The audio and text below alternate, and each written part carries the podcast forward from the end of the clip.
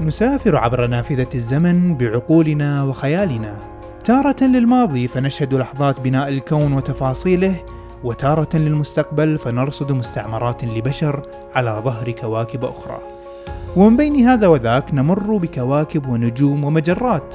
كل ذلك بغية لإشعال حماس معرفي لحاضر ومستقبل أفضل. معكم حسن الشرازي وأهلا بكم في الكون بودكاست.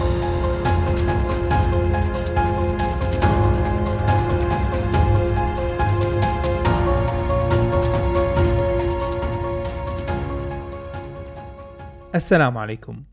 في الأسبوع الماضي فريق فلكي عالمي أعلن عن اكتشاف آثار وعلامات حيوية من الممكن أن تكون صادرة من حياة على كوكب الزهرة. وهذه العلامة هي عبارة عن اكتشاف مركب يسمى الفوسفين متواجد في طبقات الغلاف الجوي. وقد ونضع تحت قد خطوط حمراء قد تكون هذه المادة صادرة من حياة هناك. وبالأخص من الميكروبات. هكذا أعلنت الجمعية الملكية الفلكية في مؤتمرها الأسبوع الماضي. للأمانة هذا الخبر يجب ألا يمر مرور الكرام وهو خبر ضخم جدا جدا جدا وقد امتلأ الإنترنت وسيمتلئ في الأيام القادمة بتحليلات عن هذا الخبر. وهو صاعق ومفرح وغريب ومشاعر كثيرة.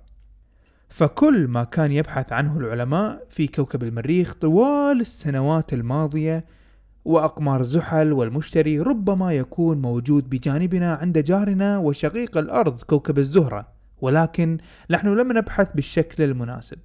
ولكن بالطبع العلماء دائما يتوخون الحذر في إطلاق نتائج تأكيدية ويشككون في الأسباب ودائما يحاولون إيجاد تفاسير بديلة تحتملها النتائج التي توصلوا إليها كما سنسمع في تفاصيل الخبر في الحلقة بعد قليل.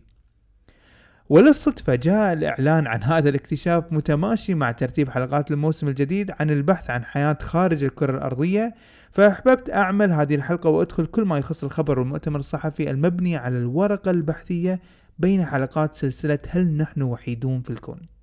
ومن ثم نكمل تسلسل الحلقات مع معادلة دريك والبحث عن الحياة. وقبل أن ننطلق أذكركم بأن هذه الحلقة من البودكاست تأتيكم برعاية من مؤسسة الكويت للتقدم العلمي. مؤسسة الكويت لديها العديد من البرامج والكتب العلمية الشيقة والمناسبة لجميع الأعمار وجميع التخصصات. تابعوهم واختاروا ما يناسبكم. هذه الحلقة ما راح تكون طويلة لأن أغلب اللي أحتاجه كمقدمات للموضوع قد تم طرحه سابقا مثل أجواء كوكب الزهرة وتفاصيله وكذلك الآلية التفصيلية التي تعمل عليها التلسكوبات التي رصدت غاز الفوسفين فقد شرحتها بحلقة كيف نعلم ما نعلم ولكن سأشير إليها باختصار في هذه الحلقة. إعلان الجمعية الملكية الفلكية جاء بعد نشر ورقة بحثية نشرت في مجلة نيتشر تحت عنوان Phosphine gas in the cloud decks of Venus وضعت رابط لها في وصف الحلقة يمكنكم مراجعتها لاحقا. سنأخذ منها التفاصيل والمفاصل المهمة ونقف على بعض المسميات لنتعرف على صورة أشمل عن هذا الاكتشاف. فقد تم الإعلان عن اكتشاف علامات حيوية biosignature في كوكب الزهرة اللي متمثلة بالفوسفين. ولكن ما هي العلامات الحيوية أساسا؟ بشكل مجمل يمكن تعريفها على أنها أي كائن أو مادة أو حتى ظاهرة يتطلب منشأها وجود عامل بيولوجي على وجه التحديد. وتكون نسبة تشكل هذه المادة وهذه الظاهرة بعوامل غير بيولوجية ضئيلة جدا. فإذا وجدت هذه العلامات في مكان ما فهذا قد يكون دليل على وجود الحياة في ذلك المكان سواء في الماضي أو لا زالت موجودة في الحاضر. وطبعا لها شروط وخصائص أكثر. ومن هذه العلامات الحيوية الفوسفين. فهو يتكون من ذرة الفوسفور مرتبطة بثلاث ذرات من الهيدروجين. عندنا في كوكب الأرض يمكن أن يكون حاصل نشوء هذا الفوسفين من عدة طرق. أولها في المختبر من خلال بعض العمليات الكيميائية وكذلك يمكن رصده كناتج من بعض العمليات الصناعية. أما الطريقة الثالثة والمهمة هي ارتباط الفوسفين كأحد الغازات الناتجة من العمليات الحيوية للميكروبات. وبما أننا نحن متأكدين أنه لا توجد مختبرات أو مصانع في كوكب الزهرة فالاحتمال الوحيد المتبقي هو أن يكون الفوسفين ناتج من عمليات حيوية للميكروبات. ولكن بيئة آه، كوكب الزهرة على مستوى السطح يمكن أن نطلق عليها مجازا بيئة جحيمية. فدرجات الحرارة بفعل الاحتباس الحراري تصل إلى أكثر من 400 درجة سيليزية. والضغط هناك قريب من المئة ضعف من الضغط الجوي للكرة الأرضية هذا بالإضافة إلى البيئة الحمضية التي تملأ المكان من الأمطار الحمضية والقاتلة تقريبا لأي شكل من أشكال الحياة التي نعرفها على كوكب الأرض فكيف يحتمل أن تكون الحياة هناك ولو كانت ميكروبية في هذه البيئة؟ هنا يطرح العلماء في الورقة المنشورة المكان المفاجئ لتواجد هذه الميكروبات وهو وجودها في السحب بالغلاف الجوي. على ارتفاع 50 كيلو متر من السطح فهناك على هذا الارتفاع ينخفض الضغط الجوي وتعتدل درجات الحرارة لتكون نوعا ما مشابهة لما عندنا في كوكب الأرض. أما عن اكتشاف الفوسفين في سحب كوكب الزهرة فهذا الأمر لم يحدث بين ليلة وضحاها. فالبيانات كانت مسجلة تقريبا منذ عام 2017 في التلسكوب الراديوي جيمس كلارك ماكسويل. بعد أن أتم العلماء هناك خمسة أيام متتالية يرصدون ويسجلون مشاهداتهم لبيانات وجود الفوسفين في الزهرة. وبما أن التلسكوب راديوي فهو يعتمد على تحليل الموجات الكهرومغناطيسية القادمة من كوكب الزهرة. فوجدوا بأن الموجة القادمة من الغلاف الجوي عليها علامات امتصاص للفوسفين أي بأن الفوسفين موجود بكميات معينة في الغلاف عندما انطلقت الموجة الكهرومغناطيسية فارتد بعضها من الغلاف الجوي للزهرة وباقي الموجة انطلقت إلينا فرصدناها بالأرض منقوصة من علامات الفوسفين. فعلمنا بوجوده هناك. هذه الطريقة شرحتها بتفصيل بالحلقة كيف نعلم ما نعلم وتسمى spectroscopy وبعد ذلك لم يستعجل العلماء بطرح النتيجة لوجود الفوسفين هناك بل طلبوا مزيدا من الدقة في التحري لوجود هذا المركب في غلاف الزهرة. فلجأوا إلى مجموعة كبيرة من التلسكوبات في صحراء تشيلي والتي تعمل كتلسكوب عملاق جدا يسمى Atacama Large Millimeter Array واختصارا يدعى ALMA. وكذلك هذا التلسكوب وطريقة عمله شرحتها في حلقة كيف نعلم ما نعلم. فلذلك هذه من الحلقات المهمة في البودكاست لأني شرحت فيها طرق دائما سنحتاجها في شرح المفاهيم بالبرنامج. عموما رصد العلماء هناك في تشيلي جاء مؤكدا لما توصل إليه تلسكوب جيمس كلارك ماكسويل فهنا تيقن العلماء من وجود الفوسفين بطبقات الجو العليا. ولكن يتبقى السؤال عن المصدر من أين ينشأ الفوسفين؟ فبدأ العلماء رحلة وعملية استقصاء ونفي الاحتمالات الممكنة واحدة تلو الأخرى للوقوف على أكثر النتائج الطبيعية المحتملة. فبعمليات المحاكاة بالكمبيوتر قاموا بافتراض تكونه من تفاعلات أشعة الشمس مع طبقات الغلاف الجوي هناك أو احتمالية نشوئه من خلال النيازك والشهب التي تخترق السحب وتضرب الأسطح أو من خلال احتمالية تكونه من خلال البراكين. ولكن من الحسابات تبين بأنه يجب أن تكون قوة البراكين المنتجة لهذه الكميات المكتشفة من الفوسفين في الغلاف الجوي 200 مرة أقوى من براكين الأرض. وهذا الأمر مستبعد جدا لأن من المعلوم والثابت بأن النشاط البركاني في الزهرة قد خفت منذ زمن بعيد. فيستبعد هذا الاحتمال. فحتى الآن كل المرجحات والدلائل ترجعنا إلى مربع الميكروبات.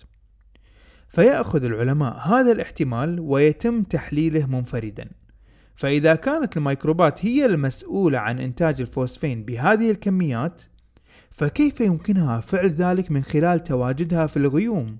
أليس من المفترض أن تؤثر عليها جاذبية الكوكب وتنزلها للسطح في نهاية المطاف؟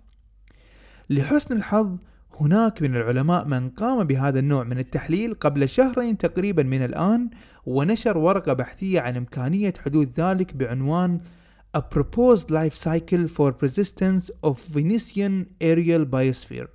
طبعا هذا الاسم الطويل هو العنوان المختصر للورقة فهي أطول من ذلك. عموما في الورقة العلمية يشرح الباحثون الطريقة التي قد تمكن الحياة الميكروبية من الصمود لملايين السنين في الغلاف الجوي. وذلك عن طريق القطرات السائلة.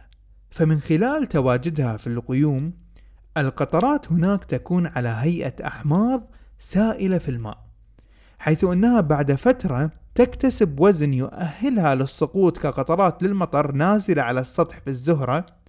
وبعد ذلك تتبخر وترجع مرة أخرى محملة من خلال الرياح إلى طبقات الجو العليا التي نزلت منها أشبه بعملية دائرية ما بين تكثف وسقوط وتبخر وهكذا.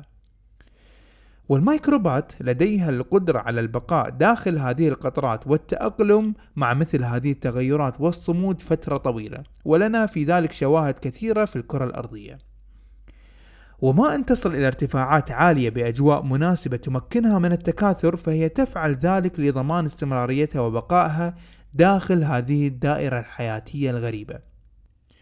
طبعا كل هذه النتائج والاستنتاجات حاليا مدار البحث والنقد بين العلماء.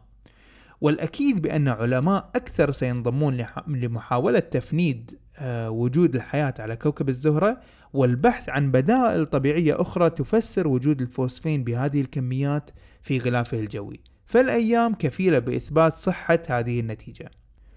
ومن جهة أخرى هذا الاكتشاف سيشعل قائمة الأبحاث التي ستوجه جهودها لدراسة الكوكب مرة أخرى وكذلك المهمات الرسمية من وكالات الفضاء ستزداد أعدادها في الأعوام القادمة.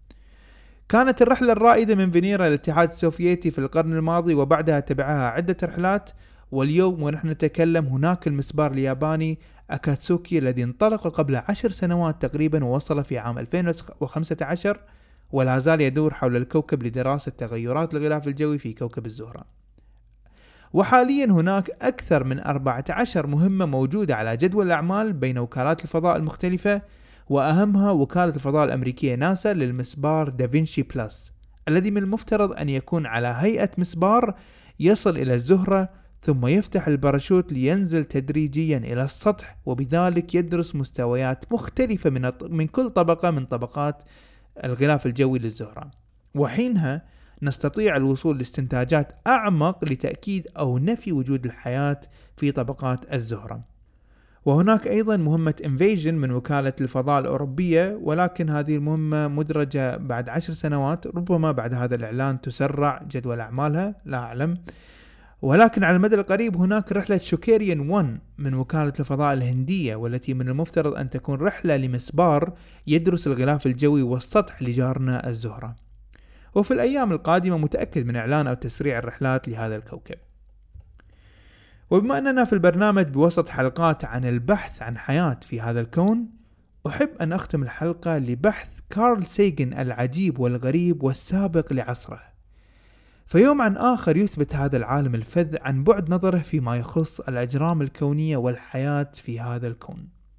فقد سبق ونشر سيجن بحث قبل 53 سنة وورقة علمية كذلك في مجلة ال Nature لمحاسن الصدف ذات المجلة التي نشر فيها البحث اليوم ويقول في ملخص بحثه سيجن على الرغم من أن وجود الحياة على سطح كوكب الزهرة غير وارد إلا أن القصة مختلفة تماما في غيوم الكوكب. فبتواجد ثاني أكسيد الكربون والماء مضافا إليهم أشعة الشمس فإن متطلبات عملية البناء الضوئي باتت متوفرة هناك في الغيوم.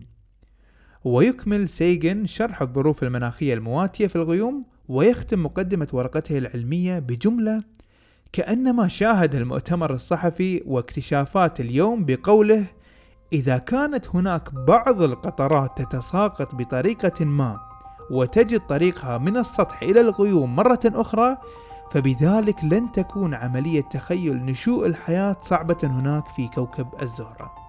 وهذا الكلام قاله قبل 53 سنة من اليوم.